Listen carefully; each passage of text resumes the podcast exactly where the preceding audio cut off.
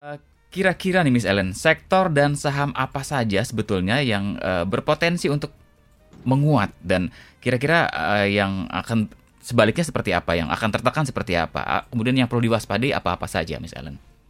Ya, jadi kalau yang saya perhatikan saat ini kita fokus pada sektor yang udah terdiskon cukup banyak ya. Kalau hmm. di Indonesia sendiri, saya melihatnya ada sektor komoditas yaitu hmm. CPO dan juga batu bara yang udah terdiskon lumayan banyak secara harga saham. Namun sebenarnya sektor CPO ini average selling price atau harga jual dari CPO itu meningkat jadi hasil kinerja laporan keuangan perusahaan CPO seperti contohnya Astra Agro Lestari, mm-hmm. kemudian London Sumatera dan juga uh, eh, DSNG atau Dharma Satya Nusantara TBK.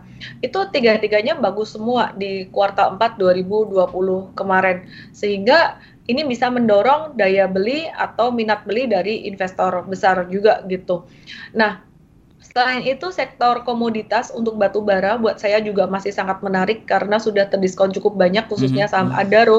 Instead of kita uh, ke nikel ya. Jadi nikel itu memang story-nya sangat hype banget kemarin ketika banyak orang bilang, wah uh, Elon Musk mau investasi di Indonesia kayak gitu.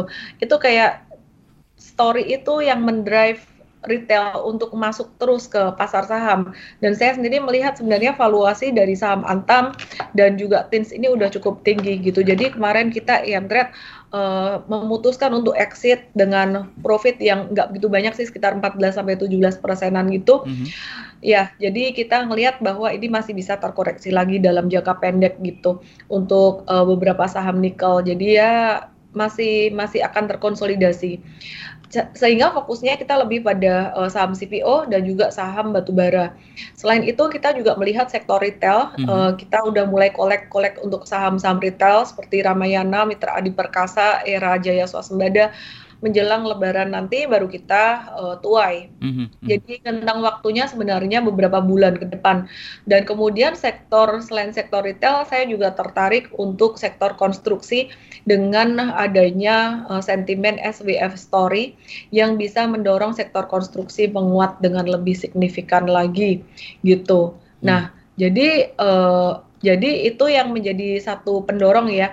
Dan konstruksi saat ini seperti PTPP, WSKT dan mm -hmm. Adikarya itu baik secara teknikal maupun secara fundamental murah, valuasinya terdiskon dan PTPP sendiri sekarang lagi berada di support kuatnya. Mm -hmm. Sekali lagi teman-teman, ini disclaimer uh, bukan merupakan perintah beli dan jual dan pasar saham mengandung risiko ya. Mm -hmm. Ini sifatnya sebagai review aja teman-teman. Mm -hmm. Tapi bisa jadikan sebagai insight ya Miss Ellen ya.